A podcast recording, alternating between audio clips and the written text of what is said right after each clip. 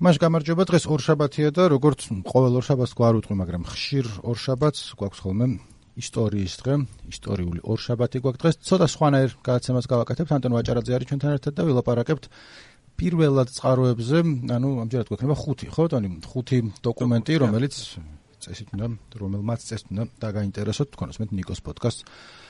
მე ვარ ნიკო ნერკაცე.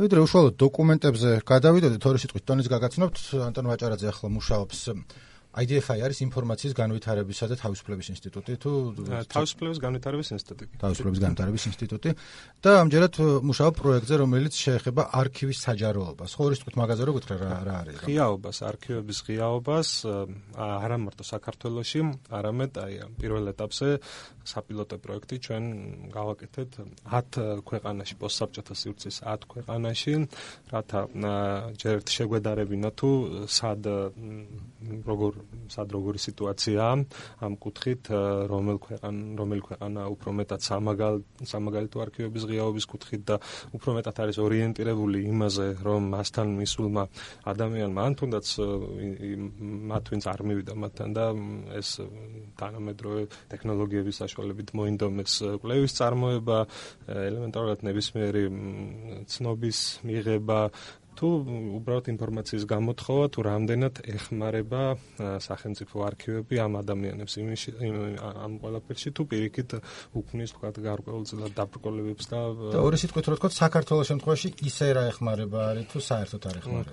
საქართველოს შემთხვევაში არის საკმაოდ კარგი მდგომარეობა საკანონმდებლო დონეზე განსაკუთრებით და პრაქტიკული კუთხითაც ჩვენი არქივები საკმაოდ კარგად არის არიან თქვათ იგივე როგორც არა მარტო შევაფასოთ საკანონმდებლო დონე, არამედ როგორც პრაქტიკული მუშაობის ასპექტები თქვათ ძალიან კარგი კარგია და მაღალ დონეზეა საცნობა რომ მომსახურებას თქვათ კვლევართა მომსახურებას, არქივო ცნობების გაცემა, თუმცა აი სამკითხო დარბას რაც შეეხება უკვე აი პრაქტიკული კუთხით აქ გვაქვს გარკვეულწილად ხარვეზები, ის მაგალითად როგორც არის მოლოდინის ძალიან დიდი დრო სანამ ადამიანს დაუშვებენ დარბაში გარდა ამისა რაღაც ესეთი დასაბუთებები სჭირდება ამ ყველაფერს და კიდევ არ არის მოწესრიგებული საძიებო სისტემა, ანუ საძიებო სისტემა სამწუხაროდ ჯერ კვლავ არის საბჭოთა საძიებო სისტემის დონეზე, თქვა რომელიმე დოკუმენტამდე მისვლა არის გაცილებით რთული ჩვენთან ვიდრე ეს უნდა იყოს ეს უნდა იყოს 21 საუკუნეში რომ არ ვისაუბროთ თქვა ელექტრონულ სისტემაზე ფონზე რომ პირდაპირ გავიგოთ თქვა ჩვეულებრივი ადამიანის პიროვნების მონაცემების ან გეოგრაფიული მონაცემების შეყვანთან გარკვეული თემის ირგვლივ ძიების კუთხით ამასო თავი დავანებოთ საერთოდ არის ასევე რთულად არის ხელმისაწვდომი აღწერები ის აღწერებიც კი რომელიც შეიქმნა საბჭოთა კავშირის დროს. ხო საბჭოთა კავშირის დროს არქივების და არქივისტების ერთ-ერთი მთავარი мотивация იყო რაც შეიძლება მეტად დაემალათ ინფორმაცია და არა რაც შეიძლება მეტად გაეხსნათ. მე მგონი ბოლოს კი კიდე მოუბრუნდეთ აი მაგ საკითხს, მაგრამ შუაში რო ჩაუფინოთ, ასე ვთქვათ, რაც გვაქვს ძირითადად საუბრის თემა და საუბრის თემა არის ტონის თქვა რომ არჩია ხუთი დოკუმენტი პირობით, შეიძლება 6 ყოფილიყო ან 3 რომელიც ყველაზე საინტერესოდ მოეჩვენა, რომ ერთი თქვა ეს ისტორიული კუთხე კონდეს და გავერთოთ ბჭყალებში და მეორე რომ თან ვნახოთ რაზე არის ლაპარაკი, რა სახის დოკუმენტებზე. და დიახ, და ასევე აი საინტერესო და გარდა ამისა, ვინც კლევა დოკუმენტები, რომელიც კლევარებმა აღმოაჩინეს უშუალოდ იმის გამო, რომ ქართული არქივების ღიაობა არის მეტნაკლებად გარანტირებული და ინფორმაციის თავისუფლება არის ჩვენთან უფრო მაღალ დონეზე, ვიდრე თქვათ ჩვენი მეთოდოლოგიის და ჩვენი ჩვენ პროექტში შეფასების მიხედვით ერთ-ერთ ბოლო ადგილზე გასულ ირგიზეთის არქივში ან იგივე ბელარუსის უშიშროების კომიტეტის ძალიან ძალიან სიტყვაში. თამასა აწეული ხოჭახ ჩვენ რო არა არა არა სხვა ბევრ დაწესებულებას ასევე უსწრებთ, თუმცა ეს უბრალოდ ყველაზე უარეს მაგალითებად აღნიშნე. და ამ რო არ ყოფილიყო იგივე ანუ არქივებით მოსახლეობის დაინტერესება, მკვლევარების დაინტერესება და მეორე მხრივ ბოლო წლებში არქივების მენეჯმენტის სურვილი რომ რაც შეიძლება მეტად წარმოეჩინათ იქ დაცული დოკუმენტები ჩვენ ელემენტარულად ბევრ ბევრ ისეთ მომენტში საქართველოს ისტორიის განსაკუთრებით მე-19 და მე-20 საუკუნის დასაწყისის და შემდგომი წლების საბჭოთა ისტორიის ბევრი მომენტი უცნობი იქნებოდა ჩვენთვის რაც დღეს უკვე ფართო საზოგადოებისთვისაც ცნობილია რამდენიმე წლის წინ საქართველოს ეროვნულ არქივში საისტორიო არქივში დაავიწყეთ რამდენიმე მკვლევარმა საქართველოს პირველი რესპუბლიკის პოპულარიზაციის კუთხით საარქივო დოკუმენტებზე დაყნობით კვლევების კვლევები და უკვე 2018 წლის 26 მაისს ნახავდით რამხელ მასშტაბი მიიღო ამ ყველაფერმა და თითქმის მთელი ერი უკვე ჩართული იყო და ყველაც ცდილობდა მინდოდა რომ აი ამ კუთხით აი საჯარო დაწესებულებები თუნდაც რომ მათი მათი ისტორია დაეკავშირებინათ პირველი რესპუბლიკის ანალოგიურ დაწესებულებასთან. 2013-12 წლამდე სანამ თქვათ დავიწყებდით ამ თემის პოპულარიზაციას გაცილებით ნაკლები იყო ამ ყველაფერზე ცნობილი. და ორი სიტყვით რო თქვა აი რა ტიპის დოკუმენტებია? მანდ არის პირველადი წყაროები ქვია პროფესიულ ენაზე, რომელიც არის შეიძლება ბევრი პირველადი წყაროები. ხო, ჩვეულებრივი ისტორიის მოყარულისთვის ბევრი არაფრის თქველი იყოს, იმიტომ რომ კონტექსტი ჭირდება, სიტყვაზე შეიძლება იყოს კონკრეტული ფოტო ან სამსახურში მისვლა გამოსვლის ფურცელი, რაღაცა ისეთი, რომელიც თუ მეტი იცი ამის შესახებ, გივსებს ინფორმაციას ან ახალი კუთხით მოგაწოდებს და ნუ თუ არ იცი, ცოტა ისჭირდება პროფესიულად უნდა უყურებდეს. აბსოლუტურად მართალი ბზანდებით. ზოგადად ყველა შეიძლება შენობით თუ აფა ზოგადად მე-18 საუკუნემდე, ანუ ასე ვთქვათ, პირობით ფეოდალური ხანის საქართველოს დოკუმენტები უფრო მეტად იყო ცნობილი და უფრო მეტად შესწავლილი.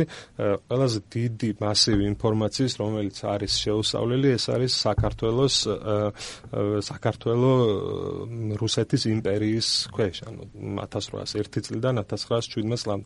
ამ დროს ალბათ შესაძლებელი ბევრია ისედაც, ხო, თორე ბიუროკრატიული მანქანა მანქანა ცარისტულ რუსეთშიც იყო და მე საბჭოთა კავშირი ნუ მალავდნენ, მაგრამ იყო ცარისტული რუსეთის სწორედ ამასინათ მათი ცნობილი ისტორიკოსის ედვარდ რაძინსკის რაღაც ლექციას გამოსვლას უცმენდა ცარისტული რუსეთის ყველაზე დიდი მონსტრი, შიდა მონსტრი იყო ბიუროკრატია. ყველა ფერზე იქნებოდა ფურცელი, ყველა ყველა ფურცელი შემდეგ იქნებოდა ამის დამოწმების ფურცელი და კიდევ ამის დამოწმების ფურცელი და 1000 გვარი სამინისტრო ანუ და უצება იყო შექმნილი და 1000 გვარი კომიტეტი და იმ ხელა ჩამონათვალია ამ დაწესებულებების რომ ვინც ვიცით მათაც რაღაც ასე თუ ისე გაგვიგება ისინი ძალიან არეული ვართ ხოლმე მაშინ რა რას წარმოადგენს ანუ და რადგან თბილისი იყო ამიერკავკასიის ცენტრი აქედან იმართებოდა თითქმის მთელი ამიერკავკასიის სამხრეთ კავკასიის დღევანდელი რესპუბლიკის ისტორია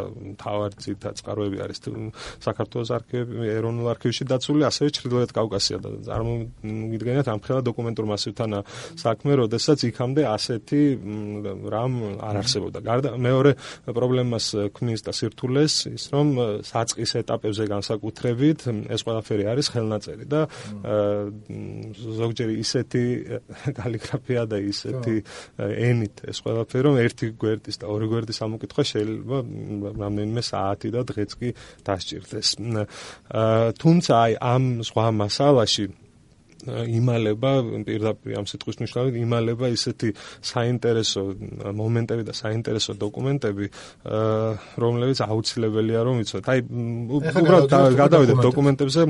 სუბუქი დოკუმენტიდან დავიწყოთ პირველი რაც შევაგროვეთ სხვათა შორის მაშინ, როდესაც საქართველოსი იქნებოდა იყო ასეთი ცდელობა კომპიუტერის ცოდნის გამართულების საზოგადოება, მათ სურდათ დაეკავშირებინათ ამ საზოგადოების მუშაობას საქართველოს შორის წერაკითხვის გამართულების საზოგადოებასთან და ძალიან ბევრი უცნობი დოკუმენტი საზოგადოებისთვის, რაც იქამდე არ მქონდა ინფორმაცია, აღმოვაჩინე მე პირადად და ჩემმა თანამშრომლმა. როდის აღმოაჩინეთ ეს იყო 2010-11 წლები. შემოწირულობები. თქვათ რა რამხელა მნიშვნელობას ატარებდა შემოწირულობები ამ საზოგადოებისთვის და ის რომ შემდეგ ქონდა თუნდაც პირველი რესპუბლიკა და ის რომ შემდეგ საბჭოთა კავშირის და დღესაც თქვათ მოყვება ეს ყველაფერი წერაკითხვის დონე და განათლების დონე. საკმაოდ მაღალი იყო საქართველოსში ვიდრე იგივე სხვა შედარებით სხვა რესპუბლიკებთან. აი სწორედ ამ ხალხის დამსახურებაა და არა არა კონკრეტულად იმის რომ ეს რევოლუციური მონაპოვარია და საბჭოთა კავშირის დროს იქამდე სიბნელე იყო და შემდეგ მივიღეთ ჩვენ განათლება. აი ორი ძმა ზუბალაშვილები სტეფანე და მის ძმა ქართველი მეცენატები წირავენ 10000 მანეთს წერაკითხვის გამავრცელებელ ფონდში და ეს 10000 მანეთი დღევანდელი კურსით რომ გადავიყვან სადღაც 40 50 45 50 ლარი არის თუ მეტი არა სყიდულობითი უნარის მიხედვით სადაც აი ნახევარ მილიონზე მეც მეტი მეც ორი ადამიანი დებს იმისთვის რომ საქართველოსში განვითარდეს განათლების დონე. ეს ის ნები ზუბალაშვილები არიან, ვის სახელობის ქუჩაც არის. ვის სახელობის ქუჩაც არის. დიახ, გარდა ამისა, მათი აშენებულია დღევანდელი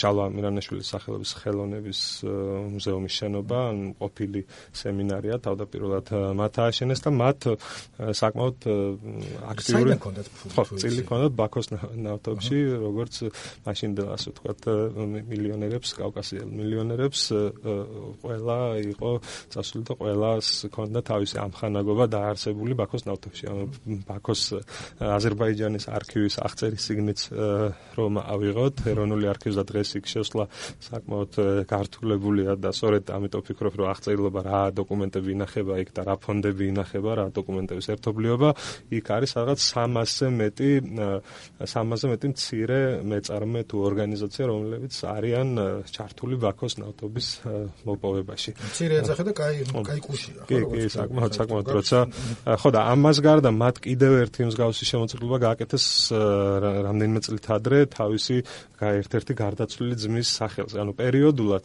ეს ეს მეორე შემოწირულობა დოკუმენტი, რომელზეც ვსაუბრობ, არის 25 წლის თავი წერაკითხვის დამაარსებელი საზოგადოების დაარსების, ანუ 1904 წელს წირავენ ისინი ამ თანხას.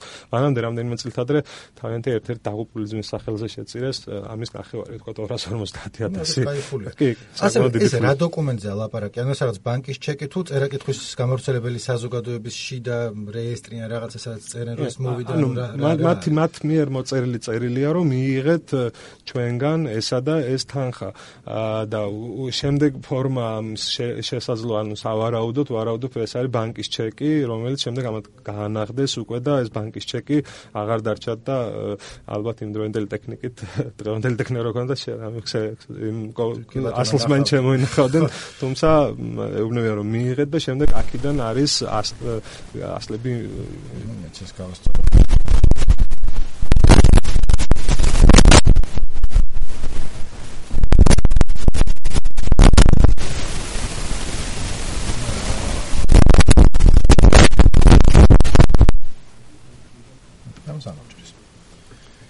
უკვე წერაკითხვის საზოგადოების მხრივ გაგზავნილია პასუხად მადლობის წერილი რომ ჩვენ მივიღეთ და თქვენ სახელზე აუცილებლად მეტად ამის ახალ ანგარიშვალდებულება თუ ქონდათ ან მე რაღაც თუ ეუბნებოდნენ რომ აი ამაში დაიხარჯა თქვენი პული კი კი რა თქმა უნდა ეს დოკუმენტები მაინც არ შვება ამას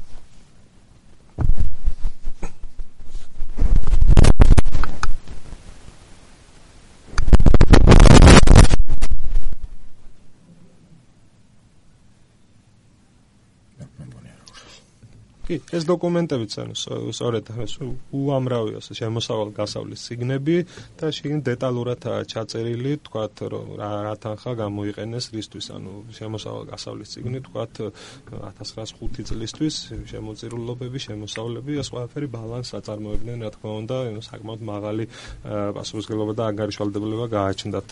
გარდა ამისა, აქ ჩაკრული ანუ შერეული ეს დოკუმენტები, რა თქმა უნდა, ასე არ უნდა იყოს, მაგრამ ისევ ეს საბჭოთა აღწერის სისტემას, რომ დაუბრუნდეთ რაც პრობლემას წარმოადგენს კვლევარების. იქვე არის თხოვნები, თქვათ, რომ ძალიან ცნობილი ერთი კიდევ დოკუმენტია ვაჟაფშაველას თხოვნა, რომელიც ზემოთონეთის ჯერ კიდევ ლუკა რაზიკაშვილის თხოვნა, რომელიც ზემოთონეთის მასშტაბებადაა და იქ თხოვს, რომ ციგნების შესაძენად გამოუყონ თანხა და აი ამ ყველაფერს ინფორმაციას ამუშავებდნენ, აგროვებდნენ და შემდგომში განკარგავდნენ ამ თანხას. ანუ არის იქ ხელფასების უწყისიც ვის რა გადაუხადეს, ამიტომ საკმაოდ გამჭვირვალედ აქვთ ეს პროცესი იმ პერიოდისთვის წარმართული და არქივების დოკუმენტებს თუ დავეხსნებით.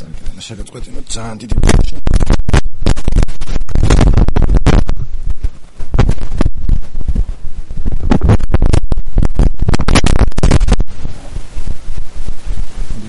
შენახეთ დაჯექი.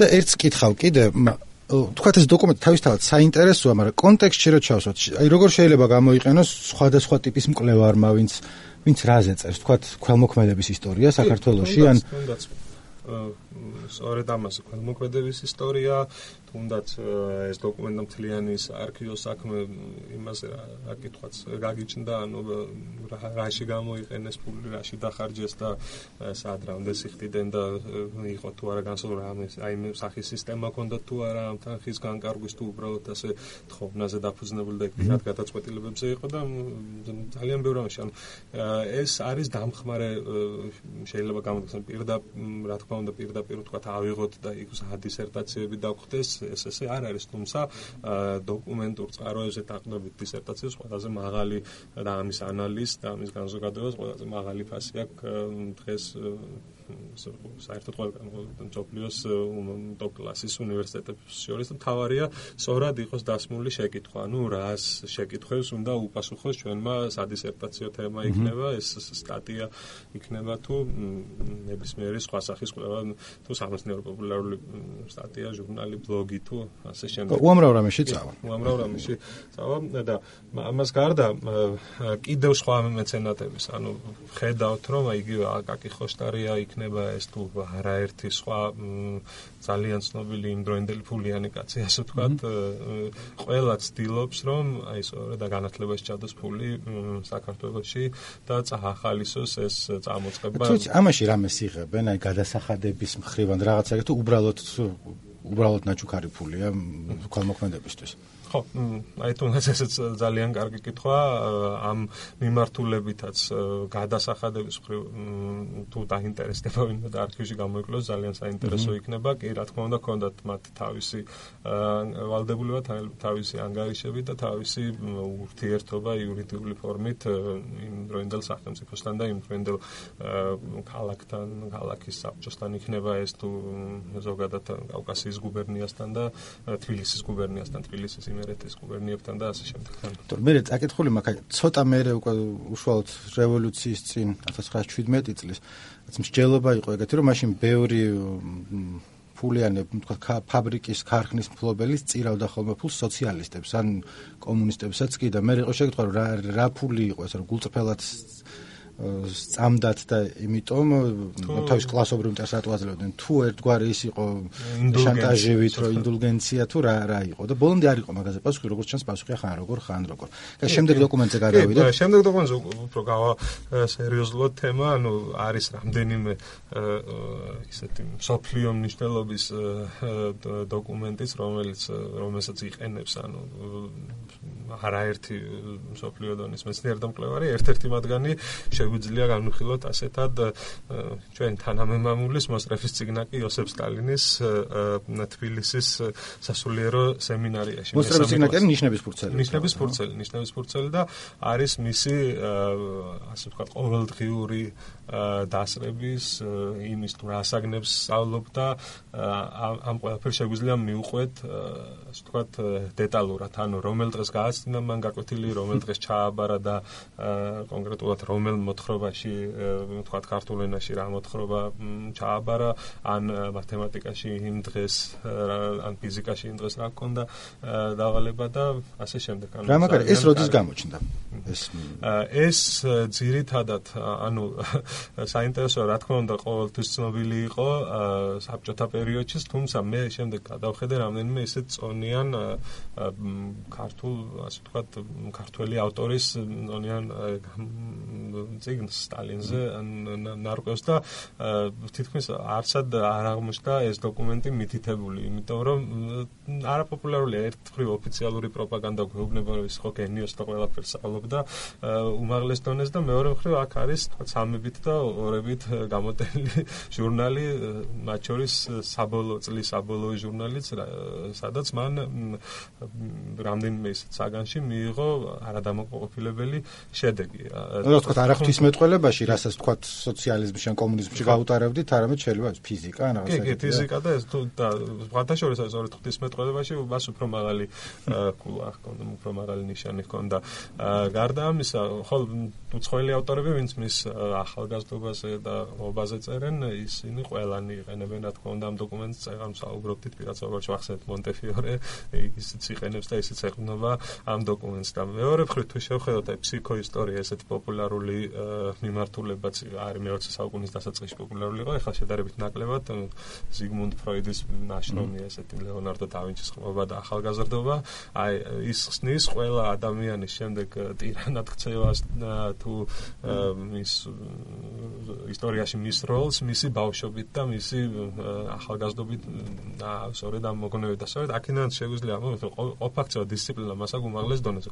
ყველა წელს უწერია და ყველა ცალკეულ შეფასება აქვს ხუთიანი, ანუ უმაღლესი. ასევე ასევე ფსიქოლოგია არის საკმაოდ მაღალი, 4 ნახევარი, 4 5, ასეთი შეფასებები აქვს. ანუ შემდგომში რაც გამოადგა მას ცხოვრებაში ადამიანის ფსიქოლოგია, დისციპლინა და ყოფაქცია, ამაში ის ბავშვობიდანვე ბავშვობიდანვე წარმატებული იყო, ხოლო რაღაც საგნებში, რასაც პირიქით ოფიციალური პროპაგანდა გვეუბნებოდა, პირიქით ეს დოკუმენტი ადასტურებს, რომ საერთოდ არ ქონდა ამაში კარგი სათქონდა ძირთად ცუდი ნიშნები.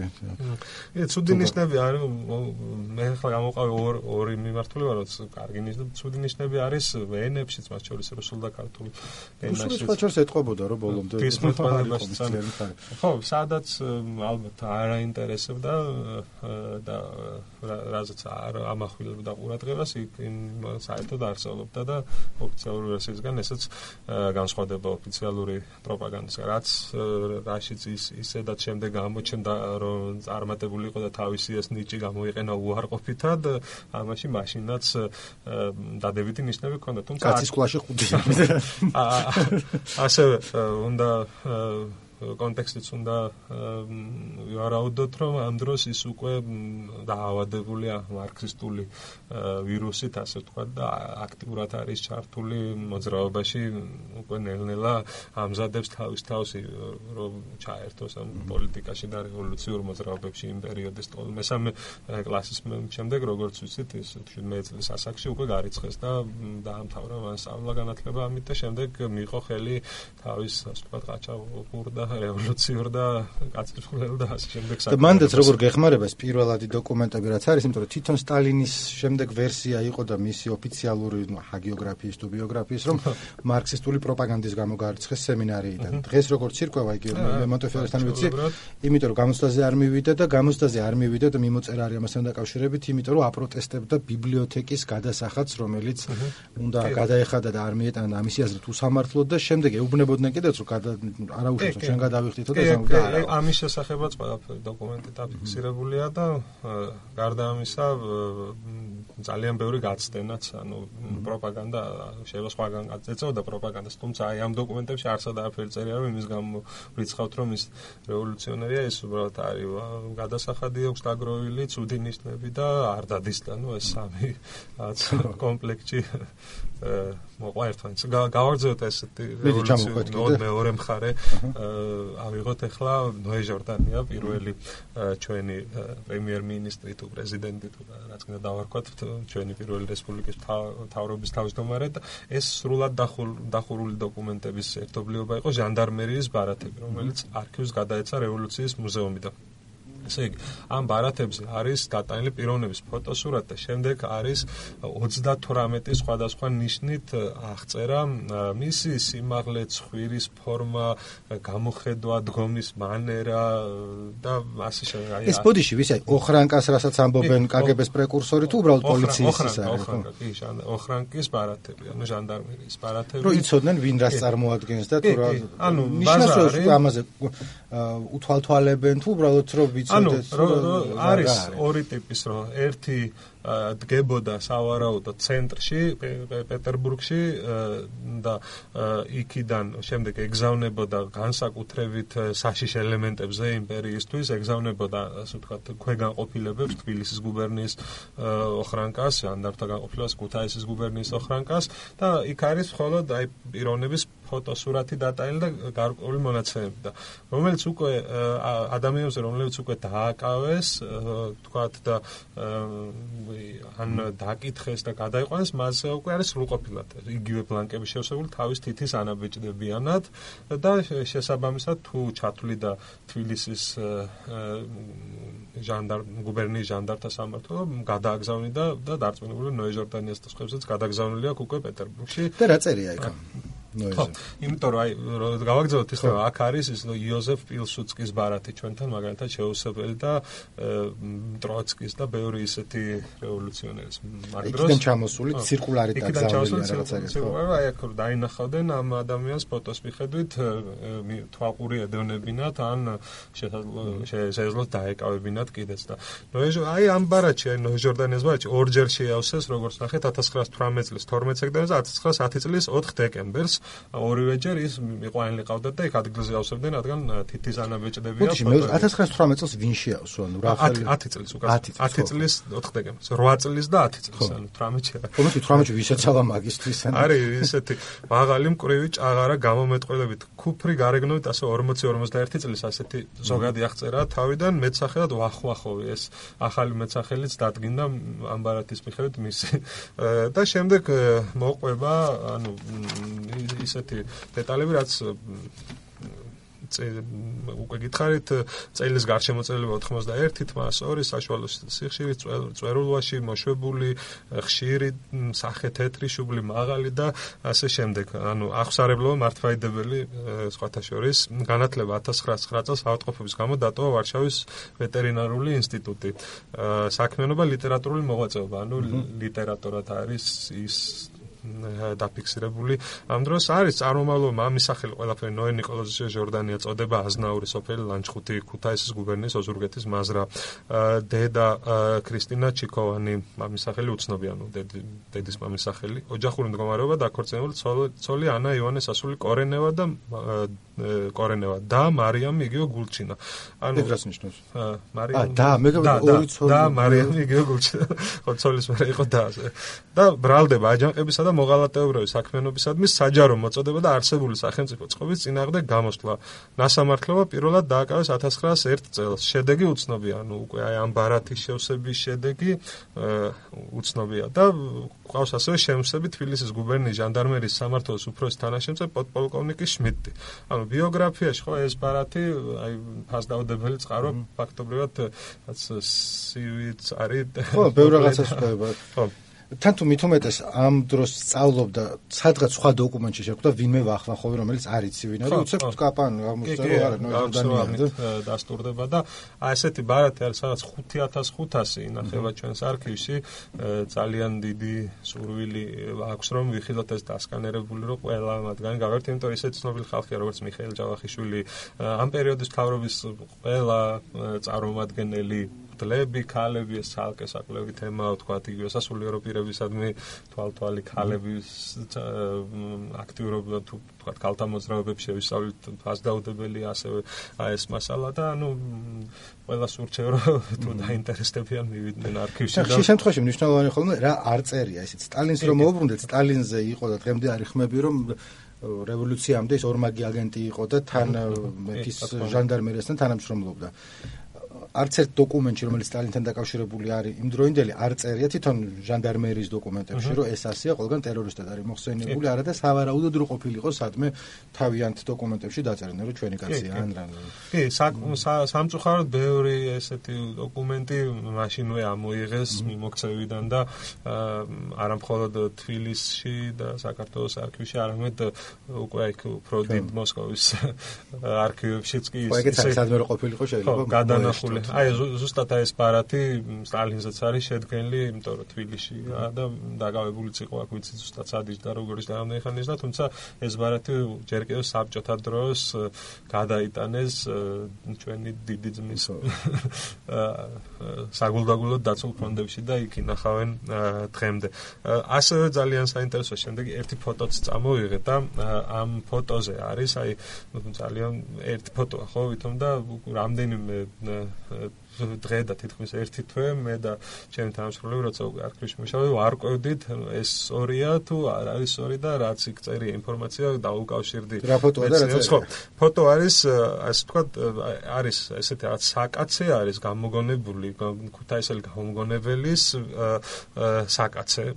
ანუ ქუთაისელი გამოგონებული მიქაბერიძე ხო მიქაბერიძეა მისი გვარი და ასე ცხენებზე შეგმული საკაცე სადაც დაჭრილ ჯარისკაც დააწვენენ და გადაიყვანენ ანუ ადამიანის ჩართვა აღარ დაჭირდება, რამდენიმე დაჭრილი ჯარისკაცი შეუძლიათ გადაიყვანონ, ამით. არის ეს 1914 წელს გამოიგონა ამ კაცმა პირველი მსოფლიო ომის მიმდინარეობის დროს კავკასიაში გქონდა აქ საომარი თეატრი, ხო და ეს ფოტო კი ყველაფერი საკაც რაღაცა, თუმცა ამ ფოტოს ანოტაციაში წერია, რომ იქვე მგონი ერთ-ერთი პიროვნება არის სერგო ორჯონიკიძე. ანუ და ამ ეს ამ საკაცის კიდე კიდე წერია რომ ამ საკაცის წარმოება განზრახული იყო, თუმცა შემდეგ მასიურ წარმოებაში არ მოხერხდა. ჩვენთვის საინტერესოა სწორედ აი ეს ადამიანი. არის სერგო ორჯონიკიძე იქ და აი სახეზეც გავადიდეთ რაც საშუალება იყო შევადარეთ მის სხვა სურათებს და თითქოს და ჩამოგავს ეს ადამიანი გავს ხო? თითქოს ის არის ასე ემთხვევა მის სახელი ამ ადამიანის საფრთხეთ ფოტოს ანოტაციაში დაბადების წელი ყველა ადამიანს და რაც არ წერია და ასევე ვიცით მისი ბიოგრაფიიდან რომ მას ჰქონდა სამედიცინო განათლება. ანუ ის თავისუფლად შესაძლებელია იქ იყოს. პრობლემა რა არის? პრობლემა ის არის რომ ოფიციალური ბიოგრაფია 1912-15 წლებში ორჯონიკიძე ზის სხვაგან ციხეში კერძოდ კი ორეხო არის შლისელბურგის ციხე არის პეტერბურგის ჩრდილოეთ აი სადაც სალავკიდეს მაგათი კოლონიები ასე ვთქვათ რა მაგდონელი რევოლუციონერების კოლონიებია და პატარა კონძულზე შლესელბურგი საკმაოდ ისეთი ძველი შვედური ციხესიმაგრეა რომელიც გადაკეთებული აქვს ციხედ და 1915 წლამდე ის არის იქ. წესით. ხო წესით. დღევანდელი ლენინგრადის რაიონის ერთ-ერთ კონძულზე ბევრ ადამიანს დაუკავშირდი მათ შორის ვინც ამ დროინდელ რევოლუციონერებზე მუშაობს და არსა და არ არის ინფორმაცია იმის თაობაზე რომ ის ან გაქცეული იყო ან გამოაპარეს ან გაუშვეს ნუ მაშინაც ყველაფერი მოსული იყო და ასე შემდეგ. თუმცა აქ მეორე ხრივ გვაქვს ფოტო ფოტო ზუსტი თარიღი კაცი რომელიც შეიძლება ჩვეულებრივად იყოს გავს მამის სახელი ემთხვევა და ის პროფესია აქვს რაც იმ ფოტოში დაფიქსირებულ ადამიანს ანუ ძალიან საინტერესოა და უბრალოდ მე შემპირდნენ რომ მოიძიებდნენ თქვა იქ ორ არქივებში კიდე რამე ხო არა იმიტომ რომ მათაც დააინტერესათ ესეთი მაღალი რანგის ბოლშევიკზე ახალი დეტალი ბიოგრაფიაში და ამაზე კაი სტატიის გამოცხობა შეიძლება. თუმცა თან თუ გაიყვა რაღაცა, იმიტომ რომ კაცი ამბობს ციხეში ვარ და ამ დროს დათაგეს საკაცესთან ქუთაისში და ხო. აა კახა გადავიდეთ პირველ რესპუბლიკაზე, რაზეც თავიდანვე ვისაუბრეთ, კიდე ორი საინტერესო დოკუმენტი მინდა მიმოიხილო. ერთი პირველი რესპუბლიკის სამხედრო სამინისტროს ფონდთან უკვე მიერთებული იმ დროინდელი რუსეთის წარმომადგენლობა საქართველოში. ანუ ბოლშევიკური რუსეთს ყავდა აქ წარმომადგენლობა და როგორც შემდეგ ირკვევა, როგორც ამ დოკუმენტებიდან და დიმიტრი სილაკაძემ ისტორიკოსმა, სამხედრო ისტორიკოსმა აღმოაჩინა ეს ეს წარმომადგენლობა სხვა არაფერია თუ არა სადაზვერო ინფორმაციის შემკრები და გამგზავნე გამგზავნე რუსეთში. იყო ესეთი წარმომადგენელი პავლე სიტინი, რომელსაც ჩვენ გენშტაბში ყავდა აგენტი ჩანერგილი ივანოვი და ის აწვდიდა ყველანაირ ინფორმაციას ჯარების სტრუქტურის შეიარაღების, რაოდენობრივი მატერიალური მდგომარეობის და ზოგადად მორალურ სულიკეთებასაც აქვს აღწერილი ამ ადამიანს ანუ რა ხდება ჯარში და ამ პერიოდულ ინფორმაციებს აღსანა და შემდეგ სრულ სრულ პაკეტს ასე თქვა ყოველთვიურად და რაღაც კვარტალურად და იქ სადაც საჭირო იყო უკვე ლენინგრადში. და მაგ ტიპის ამ ერთი ადამიანის გარდა ყავდა ყველა უצებაში თითქმის აგენტი, თუმცა ზოგადად ფეხობა ან დამფუძნებელ კრებაში ტექნიკური პერსონალი მაგალითად. და ამით ხვდებით რომ რაოდენ გადმულია ეს ფესვები. თუმცა თვითონვე წერსო საკმაოდ კარგად გვითვალთვალებენო ჩვენცო მეორე მხრივ რამიშვილის აგენტებიო და ანუ ამითაც თქვა კი შესაძლოა ამას უთვალთვალებენ, თუმცა ამის ინფორმაცია ყველაფერი რაც არის გადაცემული არის ზუსტი. შემდეგ ერთი მკვლევარი იყო რუსეთიდან ჩამოსული, რომელიც ამ თემებზე მუშაობს გავსხლებებზე და მანას დაგვიდასტურა, რომ რაც ინახება თქვენგან წამოსული აგენტურული ინფორმაცია ჩვენს არქივში ანუ პეტერბურგის სანქტ-პეტერბურგის ცენტრალურ საისტორიო არქივში ერთ-ერთი ემთხვევა, ანუ ამ კაცის გაგზავნილი ინფორმაცია იქ ახ მიდიოდა და ჩადიოდა სრული პაკეტი ასე ვთქვა და საინტერესო ამათი შემდგომი ბედი ვიცით ვინმე ან ამ სიტინის ან ივანოვი იყო ხო ვინც აწვდიდა ინფორმაციას კი უმეტესობა შემდეგ ეს სიტინ თუ არსები შემდეგ გადაიყვანეს სხვა ადგილებში მუშაობდა უკვე საბჭოთა იმპერიის და დაარჩენი ადგილობრივები ვინც იყვნენ ძალიან ბევრი მათგანი უკვე აღმოჩნდა აკაური ქართული რევოლუციური კომიტეტის რევკომების ხელმძღვანელ პირებს შორის კონკრეტულად ამ ივანოვზე არა, თუმცა სხვა აგენტები, ვინც იყვნენ, ისინი უკვე შემდეგ წარმოადგენდნენ, ასე ვთქვათ, ბოლშევიკურ ელიტას, თუმცა საბოლოოდ ბევრმა ბედი საერთო გაიზიარა 1929 წელს. მიაღწია რაღაცა, მე ვეღარ გააღწევ. ჩვენგან ჩვენგან ახსენების სტალინის სტალინმა თითქმის ყველა იცით ალბათ ვიცით ცნობილია რომ ყველას გამოუწერა ერთ და იგივე განაჩენი იყო ის მისკენ იყო ის მის წინააღმდეგ თუ ასე შემდეგ ერთი ფილიპე მახარაძე ასაკში იყო და შეიცოდეს იმის გამო რომ მოხუცი ბებერი კაცი იყო და აღარ დახვრიტა სწორედ ყველა ვინც იყო ყველას მიუჩინეს გზა.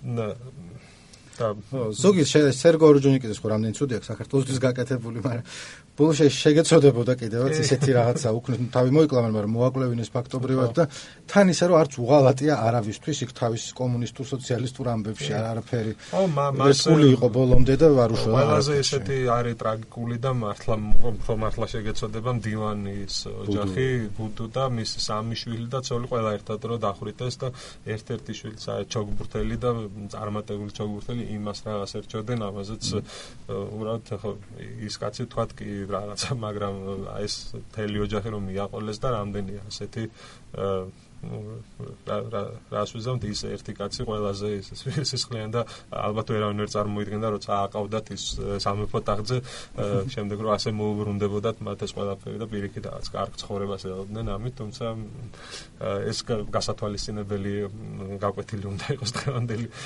დღევანდელი აბა შემსაკ მოგონებებში გვარი არ მახსოვს ინტვისი კუწერია რომ უნივერსიტეტში დადიოდა ეს ტყავის ქურთუკიანი რა ძალიან კომუნისტებში გარეული ტიპი რომელიც მაუზერით დადიოდა ლექციებზე და სხვა და სხვა პატივსაცემ ლექტორებს ესეთი ცუტრიალებდა და როგორ ხელში ეჭირა ყველა უყურებდა ფაქტობრივად უნივერსიტეტს და მე 27 წელს მოკლეს ისიც და არა, არა, ყველა. ასე რომ გული არ დამწყვეტი. 38 წლის სექტემბრის სია თუ ასე სადაც ყველა სტალინის სია სადაც ყველა არის ჩამოწერილი, ვინც მანამდე იყვნენ თუ ჯალათები და ამ რეპრესიის შემსრულებლები, ისინი არიან უკვე ამ სიაში ყველა. თითქმის 30-ზე მეტი სახალხო კომისარია ამ სიაში ესეთი. სტალინის ხელმოწერით, ხო? ხო, სტალინური სია რაც არის, ანუ 3613 კაცი, რომელიც სტალინმა არიწოდა ბჭყალებში, არა და მისი ხელმოწერით. ისე მოაწერა ხელი, არ წაუკითხავს რას, რას გადავიდა. ხო, 30000 კაცია დაახლოებით საქართველოს გვარს ხო წაიკითხავს 30000. ხო, 30000. არა, 3600-ია სტალინური სია და დანარჩენი 24000 არის სხვა სიები, ანუ დანარჩენი 24000-ში უბრალოდ სისტემა შექმნა სტალინმა. ხელი არ მოუწერია, მაგრამ აი 3600-ს ყველა მას თავისი სველი ბეჭდით ასე ვთქვათ ხელმოწერა ამშვენებს. ხო და აი ესეთი ფაქტები, აი ესეთი დეტალები, ხო, შემდეგ აი მთლიანად აი კომპლექსში ისტორიის გასაზრდებლად ძალიან მნიშვნელოვანია ჩემზე, თუნდაც იგივე რომ აი თვლით რომ ერთსულოვნება იყო და ეგ კი 100 წლის თავზე გქონდა ერთსულოვნება ამ ზეიმის, ხო და ყველა რაღაცა დადებითადაა დამოკიდებული პირველ ესულგის მაგრამ და იქაც იგნით იყო მრავალი ასე ვთქვათ მეხუთე კოლონის მაგალითები, ანუ აი ხო ეგრე, რაც უფრო შორს მიდიხარ ისტორიაში, მით უფრო შავ-თეთრად კითხულობ ყველაფერს, იმიტომ რომ აქეთ კარგიანები და იქით ცუდიანები, საბავშვო ენაზე რო თქვა და მე რო დაფიქრდები, რომ ეხა როგორ ვარ, თქვა რა 10 წლის წინ როგორ ვიყავ, ხო ეგრე იყო სულ ანუ სხვადასხვა კონტექსტი სხვადასხვა იყო, მაგრამ ადამიანები ადამიანები ვართ, ქართველები თუ სომხები თუ რუსები, არა აქვს მნიშვნელობა რაღაც შიგნით მიდის პროცესები, რომელიც დროთა განმავლობაში რაც უფრო შორიდან უყურებ, მით უფრო დეტალები იკარგება და ეს არის ის დეტალები, რომელიც ვაი ძალიან ბევრს გეუბნება და თან თუ ოდნავ მაინც გაინტერესებს ეს. იქაც რა თქმა უნდა, არც ყველა მენშევიკისთვის ასე ვთქვათ, ფრთების შესხმა მართებული ჩემი აზრით და არც თუნდაც იგივე შემდეგ ვინც დაარჩა ქვეყანაში და ვთქვათ, მოღვაწეობდა არც ყველა იმით მათი დემონიზება იქნება სწორი, იმიტომ რომ დღეს კი ვხედავთ ამას და დღეს ვკითხულობთ ამას როგორც ეროვნულობის შეგრძნებას, თუმცა მაშინ სულ სხვა იყო, მაშინ ზოგიერთ ადამიანს უბრალოდ სადღაც რაჭაში სოფელში ყოფ გლეხს ბოლშევიკები მოვიდნენ თუ მენშევიკები წავიდნენ, საერთოდ თავის თავზე არც უგძვნია ეს და ვერც მიხვდა, იმიტომ რომ ეს ეროვნულობის იდეა და სახელმწიფო რა არის სახელმწიფოს იდეა იქამდე ვერ მიიტანა უბრალოდ ლოი ჟორდანიას მთავრობამ და ხელისუფლებამ. და თუნდაც აი დოკუმენტებს და იმას რომ მოუბრუნეთ ალბათ არის ბევრი წერილი მსგავსი ბჭყალებში რაჭველი გლეხის ან გურულის ან არა მნიშვნელობა კახელის რომელიც 19 წელს თუ 23 წელს თუ 24 წელს რომელიც ბევრს გეუბნება განწყობაზე იმ ხალხის.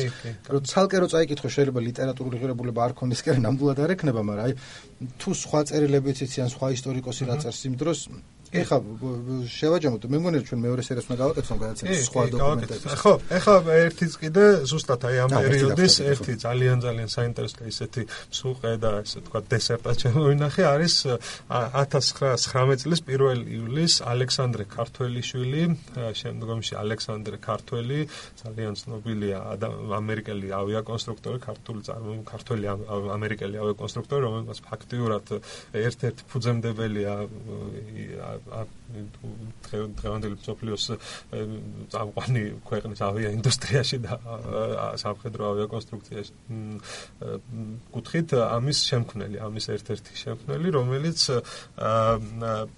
წერს აი თავის ბიოგრაფიას, თავის CV-ს უწერს იმ დროინდელ სამხედრო მინისტრო 1914 წელს დავამთავრე პირველ გიმნაზიაში სწავლა, რომელსაც ცნო საუკეთესო მცოდნეთ მათემატიკისა. შემდეგ ის წასული არის უკვე პეტერბურგში და არის იქ საინჟინრო ფაკულტეტზე სწავლობს პეტერბურგის უნივერსიტეტში და შემდეგ წერს პირველი მსოფლიო ომის გამო მომიწია რომ დამეტოვებინა იქ სწავლა შევედი უკვე კონსტანტინეს სახელობის საარტილერიო სასწავლებლებს სადაც გავათავე სამი კურსი. სამი წელიწადი მსახურობდი სამხედრო უწყებაში როგორც ოფიცერი. უკანასკნელ მსახურობდი საქართველოს ჯარში და ომებში ვიღებდი მონაწილეობას ბოლოს მოვყევი სათადარიგო ჯარში. შემდეგ ჯერ მუშაობდი სახელმწიფო ავტომობილების სახელოსნოში და ახლა მუშაობ ხოშტარიას ლითონის ქარხანაში. ანუ ამ ამ კაცმა თავის ხელით დაწერა და ამასინათ აღმოაჩინეთ ეს კეთევან კობიაშვილმა კონკრეტულად კი არქივის საისტორიო არქივის დირექტორის მოადგილემ იპოვა მიაგნო ამ დოკუმენტს ეძებდით მაშინ როცა მეც მუშაობდი რაღაც საიუბილეო თარიღი იყო ალექსანდრე ქართველის და ფაქტიურად იქამდე აი ეს ნაწილი ბიოგრაფიის ასეთი მოღვაწის თითქმის არ იყო ცნობილი. შემდეგ ეს დოკუმენტი რა თქმა უნდა ჩვენ გავაცანით საელჩოს და ინტერესებულ პირებს არის ასეთი ალექსანდრე ქართველის საზოგადოება მათაც მივაწოდეთ და მაქსიმალურად გავავრცელეთ და გავაპიარეთ ასე ვთქვათ. კონტექსტი რა რატო წერს ამას? ამ წერს სამხედრო სამინისტროს, იმიტომ რომ იმ დროს არის სამხედრო სამინისტროს რეზერვში და კონტექსტი არა წერს რომ გაუშვან ის დასასრულებლად სწავლის. ანუ რაც დაიწყო, ხო, რაც დაიწყო, იმიტომ რომ იმ დროს თავრობამ გამოაცხადა მართლა ერთ-ერთი მიღწევა მთავრობის რომ ისინი ფიქრობდნენ განათლების აუცილებლობაზე და ახალგაზრდებს უშვებდნენ სასწავლებლად საზღვარგარეთ. და ეს წერს ალექსანდრე ქართველი რომ როგორც კი დავამთავრებ აუცილებლად ჩამოვალ და თქვენზეა დამოკიდებული სადაც გინდათ იქ გავამწესეთ იქ ვიმუშავებ თუმცა ხედავთ რომ 1919 წლის 1 ივლისია და შემდეგ დოკუმენტები რაც ამას მოყვება არის ამდენიმე დახასიათება შემდეგ მისი ნიშნების ფურცელი მოსრების და ბოლოს არის თანხმობა რომ კი გაუშვათ რა. და ეს ალბათ უკვე წავიდა 1920 წელს და მე უკვე ხო აქ რო ჩამოსულიყო სადღაც და იმუშავა ხო და დარჩა და დარჩა შემდეგ წავიდა ამერიკაში და ამერიკაში გახდა ამხელა ამხელა ამის მიაღწია. ანუ ეს რო არ გაეშვა კონკრეტულად იმ დროს გიორგაძე იყო სამხედრო მინისტრი იმ თავრობას შეიძლება საერთოდ მის სახელი რამდენი მის ფული წერია რა დაუშვდა სახელმწიფოს? არა არა ეს უკვე არა არ მაქვს ამის შესახებ დოკუმენტები ეს ვეღარ მოვიძიეთ. ანუ იქ არის უბრალოდ თანხმობა და თანხმობის შემდეგ ისევ რო პირველ დოკუმენტს დაუბრუნდეთ სწორედ იყო შექმნილი სარაჯიშვილის ფონდი იყო და სარაჯიშვილის 1911 წელს გარდაეცვალა 10 წლის მერეც კი ფული იყო საკმარისი რომ ვიღაც ვიღაცები დაეფინანსებინათ სასწავლებლად გაეშვათ ხოშტარია აფინანსებდა კიდევ აკაკი ხოშტარია რომელიც იმ პერიოდში ქვეყანაში ძალიან ბევრ ამას აფინანსებდა ისიც ბაქოს ნავთობის და ირანის ნავთობის ერთ-ერთი თანამეწილე იყო და მოკლედ რაღაც ფონდი არსებობდა. აი ამ ხალხის გამოს მიუხედავად იმისა რომ ქვეყანა ძალიან უკიდურეს გაჭირვებაში იყო ინფლაციით და ასე შემდეგ.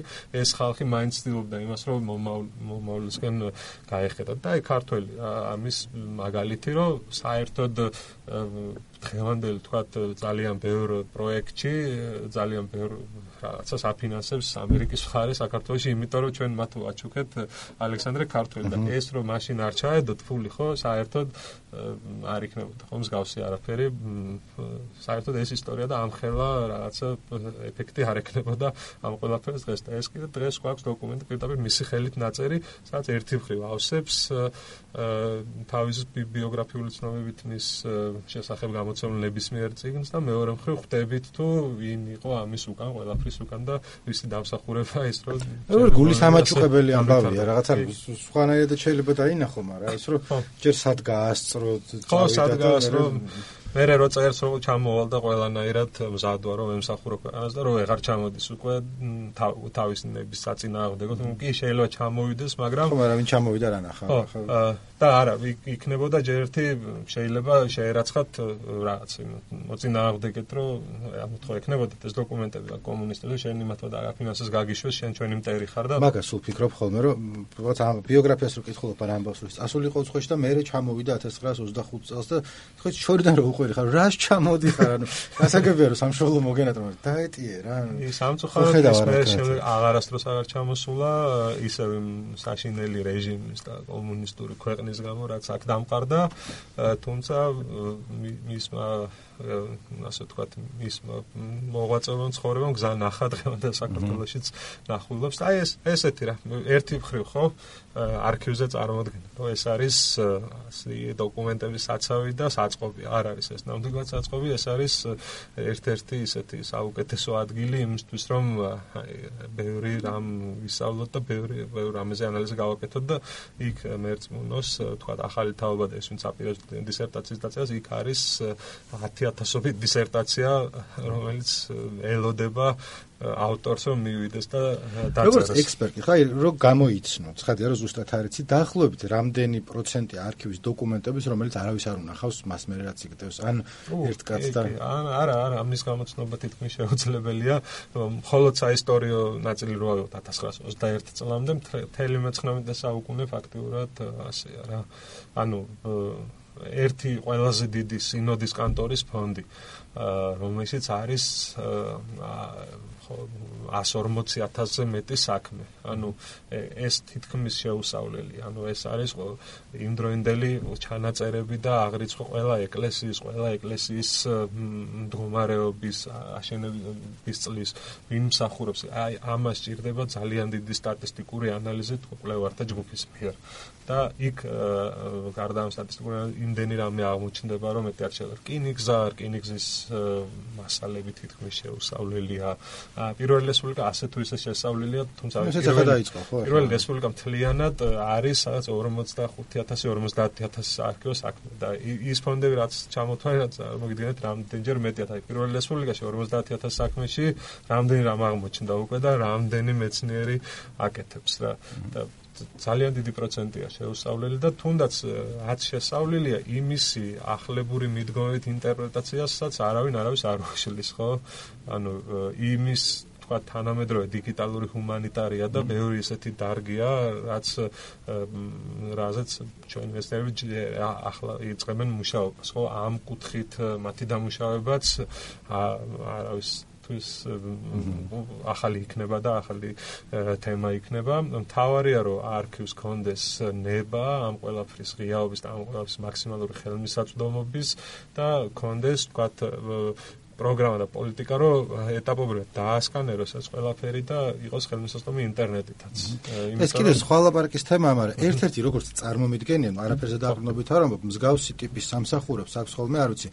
ინსტიტუციური რეზისტენტულობა რა თავისთავად მოყოლილი თქვა ხალხი ხო რომელიც ალბათ საბჭოთა დროიდან მუშაობს თუ არქივია და სულ იცი მუშაობდა შემდეგაც რაღაც ეს ინსტიტუციურ მეხსიერებაში გაქრო ყველა არ უნდა შევიდეს იქ იმიტომ რომ თქვა რაღაც სტუდენტ არის ეგ მომენტი რის დაძლევაც გჭირდება რომ აი ღიაობა კარგია მაგრამ ამავე დროს ყველამ თავისი ბიზნესი ხელები არის მაგრამ თუ აი ამ კუთხით მიუდგებით ხო მე მაინც არ მაქსიმალური ღიაობის მომხრე და თუ ამ კუთხით მიუდგებით რომ კი თქვა არ მინდა რომ თქვა რაღაცა და მაგრამ უფრო მე 10ჯერ უფრო ამრავლებთ ამ კუთხით ჭორებს იმის თაობას რომ იქ მართლა რაღაცას მალავენ და იქ რაღაცაზე ამაზე არ გვეუბნებიან და იქ ამას გვიმალავენ და იქ თბილისის ისტორიის რაღაც ნაწილს გვიმალავენ და იქ რაღაცა სტატისტიკა არ უნდა თქვაჩვენონ ანუ როგორც ეს თუ რაღაცას არაჩვენებ ერთს ის 10 მაგად და 100 მაგად შემდეგ ანუ ჰიდრას პრინციპით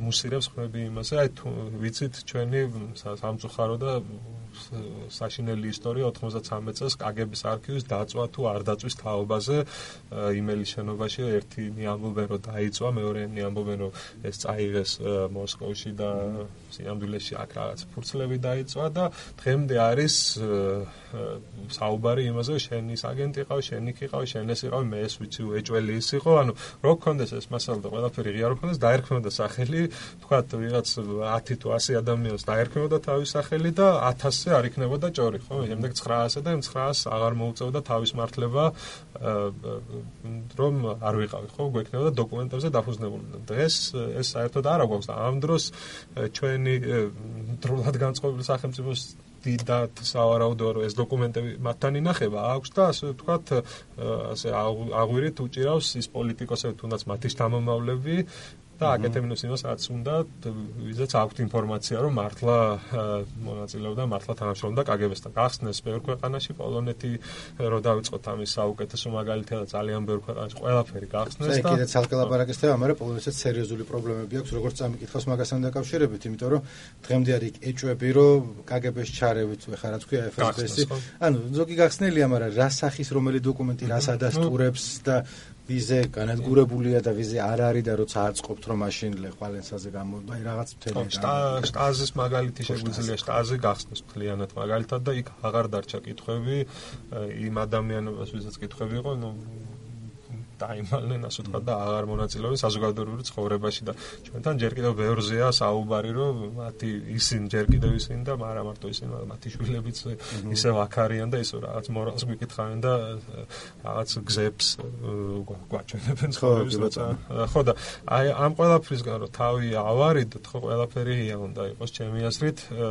ძალიან მნიშვნელოვანია ასევე რომ რაღაცნაირად მიუახლოვდეთ სტანდარტს თუნდაც იმით რომ ფოტო გადაღება იყოს იყოს დასაშვები არქივის დარბაზში, იმიტომ რომ იქ მისული ადამიანი უმეტესობა არის ღარიბი, ასე ვთქვათ, ნორმებით, ღარიბი საშუალოზე დაბალი შემოსავლის მქონე და მას არ აქვს ის ფუფუნება, რომ როდესაც ვთქვათ ერთ სტატიას წერ, შეიძლება დამჭირდეს 1000 გვერდი, 1000 გვერდი არის 4000 ლარი, რომელიც ერთ ერთ სტატიას შეიძლება 4000 ლარი იმ ადამიანს წლიური შემოსავალი იყოს და ვერავინ ვერ გადაიხდის ამას. ხო, თორე ყველა მკვლევარი ვინც არის მაგაზე ჩივის ხოლმე, რომ თუ ვთქვათ სადაც გრანტი არ აქვს, რომელიც კონკრეტულად მაგისტრის გაძლევს ფულს, შეიძლება დისერტაციას არ წერდა რაღაცა კვლევა არ ამ რაც ყოველდღე 500-600 ლარის გასროლა მით უმეტეს თუ ისტორიკოსი ხარ და ის არ არის ხო წარმოუდგენელია და ამას მე დარწმუნებული ვარ რომ საქართველოს კანონმდებლობაში ეს ცვლილებები შევა საქართველოს კანონმდებლობაში და ელემენტარული ეს თქვათ რა 100 50 100 გვერდის უფლება რომ 100 კადრის უფლება დღეში ეს უკვე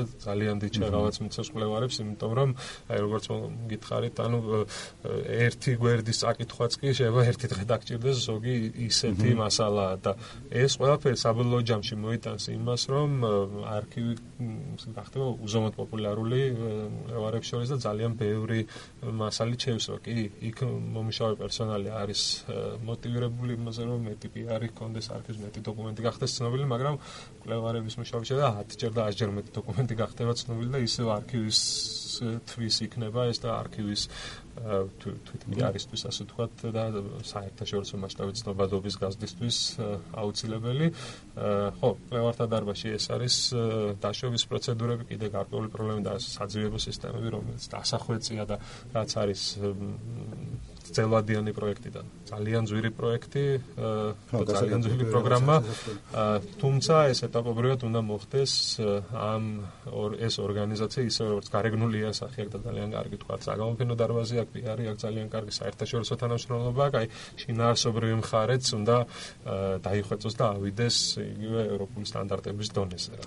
ძალიან ამ ხელულ ნოტაზე დავამთავროთ. ეხლა იმედია რომ მოხვალ კიდე ან შემდეგ ეს ან ორი კვირის მერე იმიტომ რომ დაგვრჩა იქ ძალიან კარგი დოკუმენტები რომელზეც გარეთ ვლაპარაკეთ რომ გვაქვს და ბოლოს თქვი პრეზენტაცია გაქვთ თქვენი პროექტის როდის? ახლა 24 ოქტომბერს 11 საათზე პარლამენტის ეროვნული ბიბლიოთეკის მეორე корпуში დამოუკიდებლობის დარბაზი, ახლად გახსნა დამოუკიდებლობის დარბაზი და იქ წარმოადგენთ ამ 10 ქვეყნის მონაცემებს და დეტალურ ანგარიშს იმის თავაზე თუ რა რას ფიქრობს IDF-ა ინფორმაციის თავისუფლების განვითარების ინსტიტუტი, რა რა კუთხით უნდა გაიხსნას და რა კუთხით უნდა იყოს უზრუნველყოფილი მეტი რეალობა კონკრეტულად საქართველოს ჩვენ სხვა ქვეყნის განხილვას აქ არ დავიწყებთ, დავიწყებთ საქართველოზე საუბარს, სხვა ქვეყანაში ჩვენი პარტნიორები ისაუბრებენ. ძალიან დასაზარებელია რომ ის მინო ხილზეც რა რა პრობლემები აქვს? 24-ში 11 საათზე ბიბლიოთეკის მეორე კორპუსში ყველა დაინტერესებულ პირს შეუძლია დასწრება. დიდი მადლობა ამ საშუალებისთვის. რა სამოფანო ჩვენ ამას კიდე მოუბრუნდებით დოკუმენტებსაც და მაგასაც ალბათ გავაშუქებთ